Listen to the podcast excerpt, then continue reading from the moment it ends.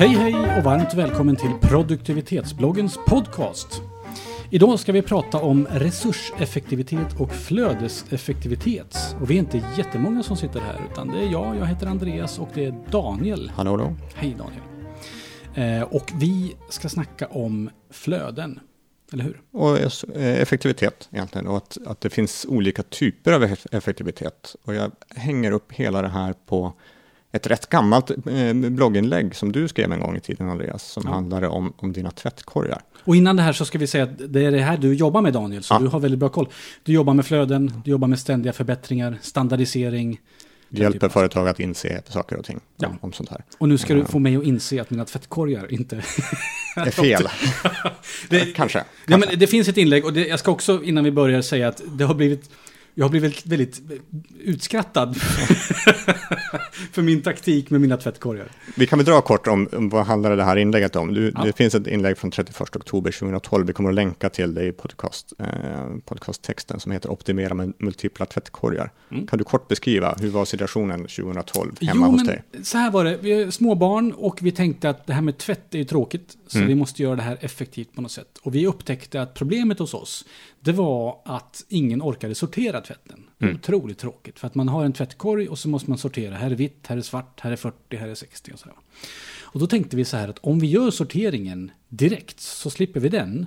Så vi skapade 24 tvättkorgar mm. med olika kulörer, olika gradantal och så vidare. Det var en vit 40, en vit 60 och så vidare. Och så vidare va? Då kan man bara ta en korg när den är full. För de här korgarna var ungefär lika stora så som en ryms i en tvättmaskin. Då.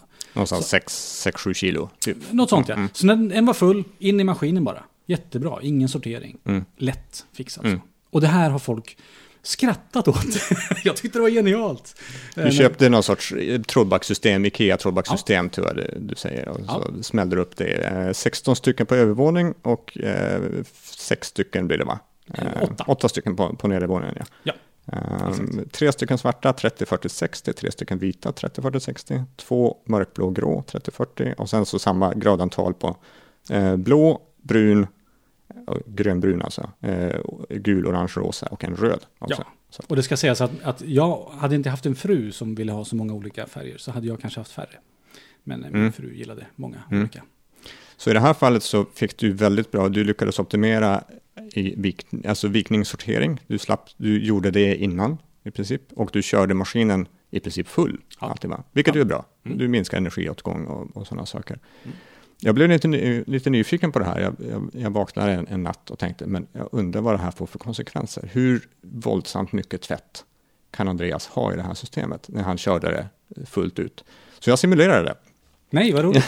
det här vet inte Andreas om, att, att jag har gjort det här. Ja. Eh, så jag funderar så här, men, men vad behöver vi veta? Jo, men vi måste simulera hur mycket tvätt in blir det så här. Så jag har simulerat din familj, Andreas, och okay. vad ni har för kläder varje dag. Och gjort lite antaganden. Vi kan titta på det här sen efter, efter det här eh, podcastavsnittet. Om vad ni har på er varje dag, ungefär, och vad era kläder väger, ungefär. Jag vet hur du klär dig och jag vet ungefär hur din fru klär sig. Jag vet inte hur era barn klär sig. Så jag har gjort lite antaganden för sådana saker. Jag har gjort lite antaganden för för sängkläder och handdukar och lite sånt också på, på en väldigt grov nivå. Och sen så har jag simulerat, vad blir det här då per dag? Och sen så slagit ut det på, om vi kör under fem års horisont, hur mycket tvätt i snitt är i det här systemet. Ja.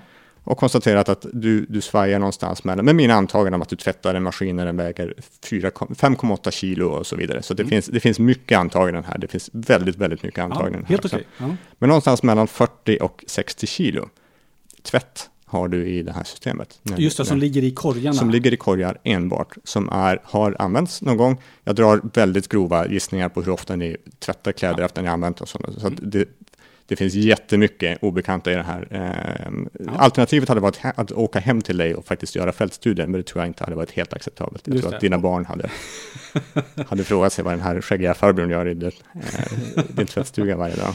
Eh, så det blir ju konsekvensen av att optimera utifrån att jag vill fylla maskinen så mycket varje dag är ju att du får våldsamt mycket som ligger inne i systemet mm. hela tiden. Du har 40 till 60 kilo tvätt som ligger inne i systemet. Du, med den här simuleringen så tvättar du varannan dag ungefär. Jag mm. vet inte om det stämmer hyfsat. Jag skulle säga kanske lite oftare. Två mm. av tre dagar skulle jag säga. Men okej, okay. ja. ja. men det är en bra gissning. Liksom. Där någonstans i alla fall. Ja. Så att du får ju konsekvensen. Jag simulerar ju då också alla de här klädestyperna. Så att du har ju vissa vissa typer av kläder här som du förmodligen tvättar mycket mindre ofta än andra. Mm. Eh, bland de som, i alla fall i min simulering, tvättades minst ofta, där, där en tvätt gick minst ofta var rött till exempel, mm. eh, och blått. Mm. Så, så, att om du har en favorittröja som du har haft, du har den och sen så spiller du kaffe på den mm. på dagen, så måste du lägga in den i din tvättkorg, så har du en, en sannolikhet att den här tröjan kommer inte att komma ut på andra sidan av det här tvättsystemet förrän ungefär efter 70 dagar. 70 dagar? 60-70 dagar, om du har lite otur. Ja. Eh, om, om, du inte kan bara tvätta det på en gång och sådana saker. Som sagt, mycket grova antaganden här ja, också. Men där någonstans, att, att du, får, du, får, du får den konsekvensen. Och det är ju konsekvensen när du optimerar för, att, för, eh, för resursutnyttjande. Att du inte optimerar för flödesutnyttjande. Flödesutnyttjande är, är raka motsatsen här. Du har ett behov och sen så släcker du det behovet.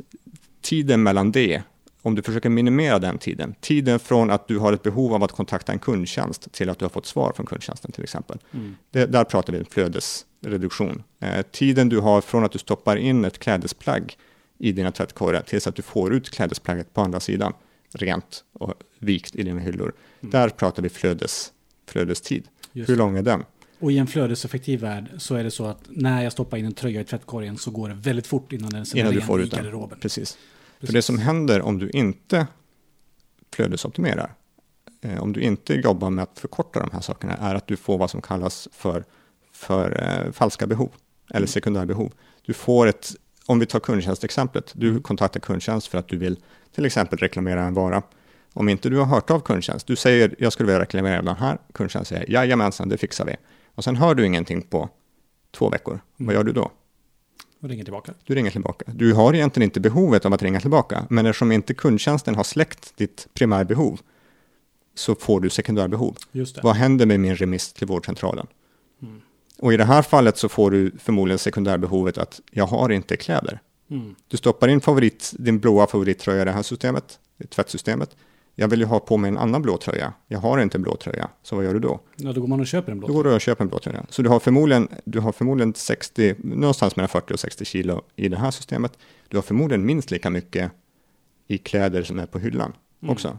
För att du har med en jättestort lager av kläder också. Så du reducerar antalet korgar, visst? Ja, för saken var den att vi upptäckte ju precis som du sa att om jag stoppar in en, jag har en orange piké som jag gillar. Mm.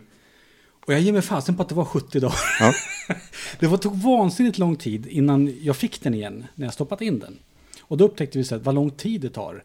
Och så tänkte vi så här, men vi minskar antal tvättkorgar för att det liksom ska tvättas lite snabbare och smärtare. Så att istället för 24 så är vi nu nere i 8.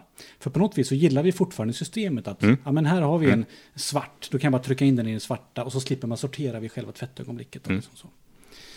Det intressanta då förstås, vilket jag antar att du fiskar efter, det mm. är den här nedgången från 24 till 8. Mm. Det är ju mycket svårare sagt än gjort. Jag skulle säga att det tog säkert tre månader av brutal tvättning mm. för att liksom bara minska från 24 till 8 tvättkorgar. För det fanns som du säger otroligt mycket i systemet. Rymde ju... ni de sakerna ens i era, i era garderober?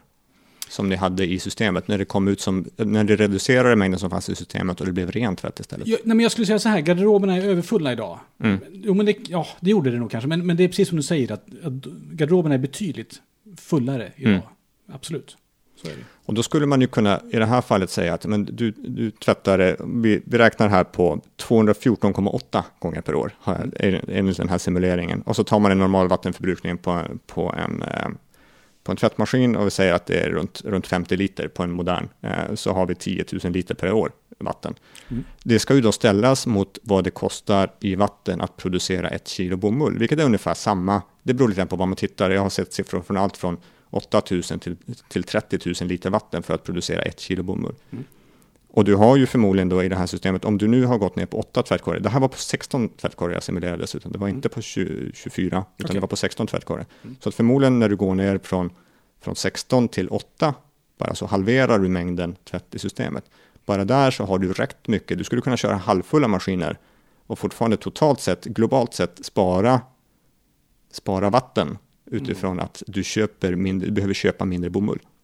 Ja, just det. det. Det baseras på att jag köper mindre kläder. Precis, för just du har inte det. behovet av att köpa mindre kläder, för du har mer kläder som är tillgängliga vid varje, ja, just det. vid varje givet tillfälle. Det här sekundärbehovet är boven i dramat då? Precis. Just det. Precis. Intressant. Om man går ner, om, du har inte gjort en simulering på extremfallet då? Jag har en tvättkorg. Eller två. Nej, Så det har jag inte där gjort. flödet är otroligt fort. Jag lägger en tröja och sen tar det kanske två, tre dagar max innan den är tillbaka i. Det har jag inte gjort, men vi, vi har inga barn. Du har barn, du har Mm. två stycken barn, så jag har räknat på fyra personer här. Vi har inga barn ehm, och vi har en tvättkorg där allting samsas. Eller vi har en och en halv egentligen. Vi har en tvättkorg för ylle, för vi, har, vi kör med ullstrumpor och ullkläder så, så fort det går eftersom vi älskar det. Mm. Ehm, och vi kan ju tvätta samma dag Mm. och få ut saker på andra sidan systemet. Jag hade, där jag bodde tidigare så hade inte jag tvättmaskin i lägenheten utan jag hade tvättstuga. Så att jag kunde tvätta mycket mindre ofta Mm. också. Så jag tvättade kanske varannan vecka ungefär. Och jag märkte ju att när jag, eh, när jag blev sambo och fick tvättmaskin på köpet så kunde jag tvätta mycket oftare, vilket innebar att jag hade otrolig överkapacitet på strumpor. Mhm. Jag hade alldeles för mycket strumpor. Jag behövde inte ha typ 14 till 20 par för att men, ibland så tränar du eller så vidare. Så att någonstans 20 par skulle jag nog gissa att jag hade. Mm. När jag kan tvätta i princip varje dag så kanske det räcker med fem par. Mm. Intressant. Men för att det extrema varianten åt andra hållet, det är att om jag använder en tröja, då, skick, då har jag ingen tvättkorg. Utan jag trycker in den i maskinen, tvättar bara den tröjan. Mm. Och då kommer den ut omedelbart. Mm. Ren och fin och sådär va. Och det är också ett scenario som är liksom, det känns lite slöseri på något sätt. Inte bara med resurser och vatten och allt det här, men även med, med tid, att lägga den tiden. Precis, Det är som så att, så att oftast så är det bästa tillståndet är någonstans mitt emellan de här. Alltså Mm. att inte vara 100% åt resurseffektivitetshållet. Är det åt det hållet inom till exempel, ja vi kan prata vård eller vi kan prata konsultbolag eller vi kan prata vad som helst. Då har du ingen tillgänglig kapacitet över att göra andra saker. Folk är fullständigt överbelagda med grejer. Mm. Eh, Du har ing, noll ledig kapacitet att ta emot nya kunder eller ta emot när det händer saker och ting i, i verksamheten. Och åt andra hållet så har du ju extremt snabbt kan du ta dig an nya saker. Du kan lösa kundens önskemål på ingen tid alls. Mm. Men du kanske inte har fullt lika hög beläggning heller. Du kan vara en, en, en konsult som har en beläggning på 10% Du kan när som helst ta en ny kund, men du tjänar inga pengar. Mm. Heller. Så det gäller att hitta någon sorts jämvikt mellan de här. Och det låter ju som att ni har gjort det mer. Att ja, men så här många tvättkorgar, det funkar rätt bra för oss. För då får vi fördelen att vi kan sortera.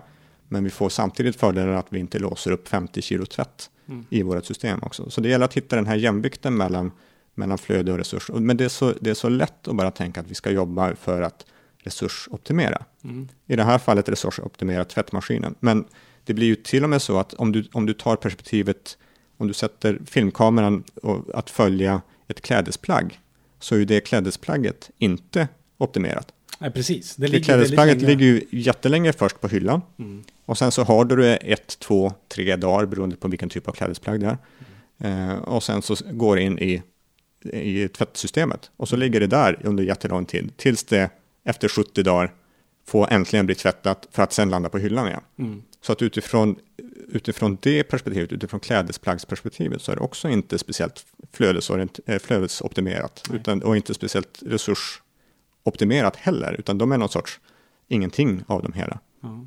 Men det är intressant för att jag tänkte inte alls i de termerna 2012 när vi gjorde det här. Utan tanken var bara vi vill slippa sortera. Mm. Och det var så intressant att man då tänker att ja, men, ju fler tvättkorgar, alltså, vi gör sorteringen så fin som möjligt. Så slipper man eftersortera om man nu vill göra det. Att, Mm. ja, vi har olika nyanser och sådär. Och det är ju helt rätt utifrån det Och, perspektivet. ja, precis. Och det är ju intressant att det löste vi. Mm. Men vi fick så mycket andra problem på köpet. Just Mm. det här med att stoppa in en tröja, då får jag inte se röken av den. Jag kan Nej, använda en precis. tröja liksom, några gånger per år. Max liksom så.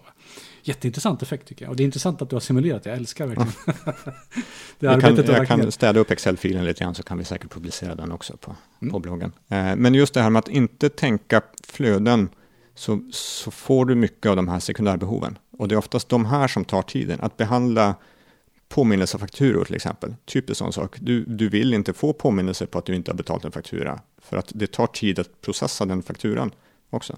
Eh, vi har pratat någon gång om att varför får du mail till exempel. Det är samma sak. Varför får du mail på saker och ting som du har levererat till någon? Det är ett falskt behov där också. Du ska egentligen inte behöva få det här mejlet som är en fråga på någonting du har gjort. För att det är också din, din mottagare har inte det behovet ursprungligen. Den vill ha svar på någonting och sen förstår den inte ditt svar.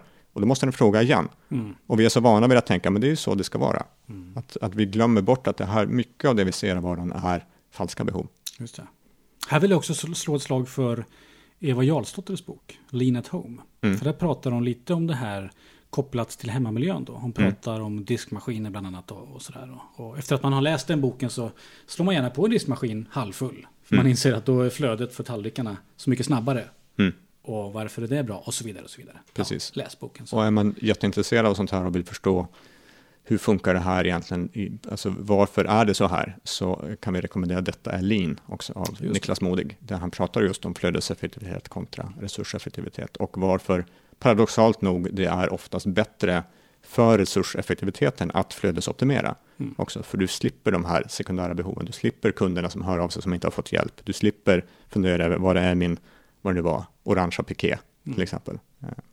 Precis. Snyggt, kul. Så jag säger inte att du har fel, Nej, nej jag, tar, nej, jag tycker det är jätteintressant analys du har gjort. Men jag säger Eh, att du har nog gjort fel, kanske, när du hade 24. Det är kanske lite väl häftigt. Våra tips till Ja. dig som lyssnar inte att skaffa 24 tvättkorgar. Nej, åtta har varit en bättre balans för oss. Jag vet inte om det är perfekt. Det vore intressant att labba vidare och se om man ska gå ner på fyra eller upp på tio. Jag vet inte. Men åtta Mm. funkar bra idag. För våran familj ska jag säga. Och våran situation och de behoven vi har. Och det beror på, när du skrev det här så hade du mycket yngre barn också. Förmodligen så genererar de mer tvätt. De kanske genererar mer färger av tvätt också. Det kan hända att de har gått mot svart eller mer vuxenfärger nu. Precis. Borde beordra mormor och farmor att bara köpa svarta plagg. Precis, vi är nu bara de monokroma i vår familj. ja, precis. Ja, precis. Nej, men vad bra. Och då har vi pratat om flödeseffektivitet eh, och Resurs. resurseffektivitet. Mm. Och inte, vi har pratat lite om kundtjänst.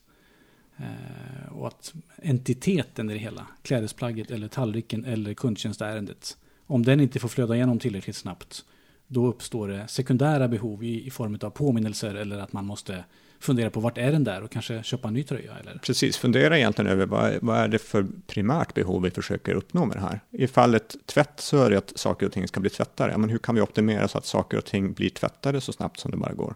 Eller i fallet diskmaskin, hur kan vi, hur kan vi få att tvätt, eh, disken är diskad så snabbt som möjligt? Det kanske är att inte ens ha tvätt, eh, en diskmaskin, utan vi kanske ska handdiska alla bestick. Det kanske gör att vi kan undvika att behöva ha 16 stycken kuvert, utan kanske bara kan ha 8 eller 4 i normalfallet. Eller köpa lokal hämtmat från Thaien. Eller Mm, så här. Till exempel. Om man vill gå den vägen. Mm. Precis. Men vad bra. Och du jobbar ju med det här Daniel. Mm. Eller hur? Absolut. Ja. Vill man prata mer med mig om sådana här saker så kan man mejla mig på daniel.hamlut.se, h-a-m-m-l-u-t.se. Kul. Och du som lyssnar på det här, eh, jättekul att eh, du ville höra om eh, flödeseffektivitet och resurseffektivitet. Vi har pratat om lite böcker och vi har pratat om mitt inlägg och lite sådana saker. Vi länkar till Vi dem. länkar Mm. till de här sakerna. Vem är du då Andreas? Du har inte sagt det. Ja, vem är jag? Jag heter Andreas. Jag, jag föreläser om stress. Och jag föreläser om hur man undviker att gå in i väggen. Anlita gärna mig till... Jag hjälper gärna er i form av att hur man... Jag pratar inte så mycket om vad som händer efter väggen. Alltså återhämtning. Utan jag pratar mer om hur man undviker det, helt enkelt. Mm. Och du är gammal IT-konsult så att är du i IT-branschen så är det kanske ännu mer. Ja, jag, jag gör mig bäst i kontorsmiljö. Jag pratar mycket om kontorsstress, öppna kontorslandskap och så vidare. Och så vidare. Andreaspirimets.se. Där hittar man information om mig. Och du som lyssnar på det här, vad du än gör, kom tillbaka till det här stället nästa fredag. För då kommer ut en ny podcast. Eh, Det var allt från oss idag. Tack för att du har lyssnat. Ha en bra dag. Hej då!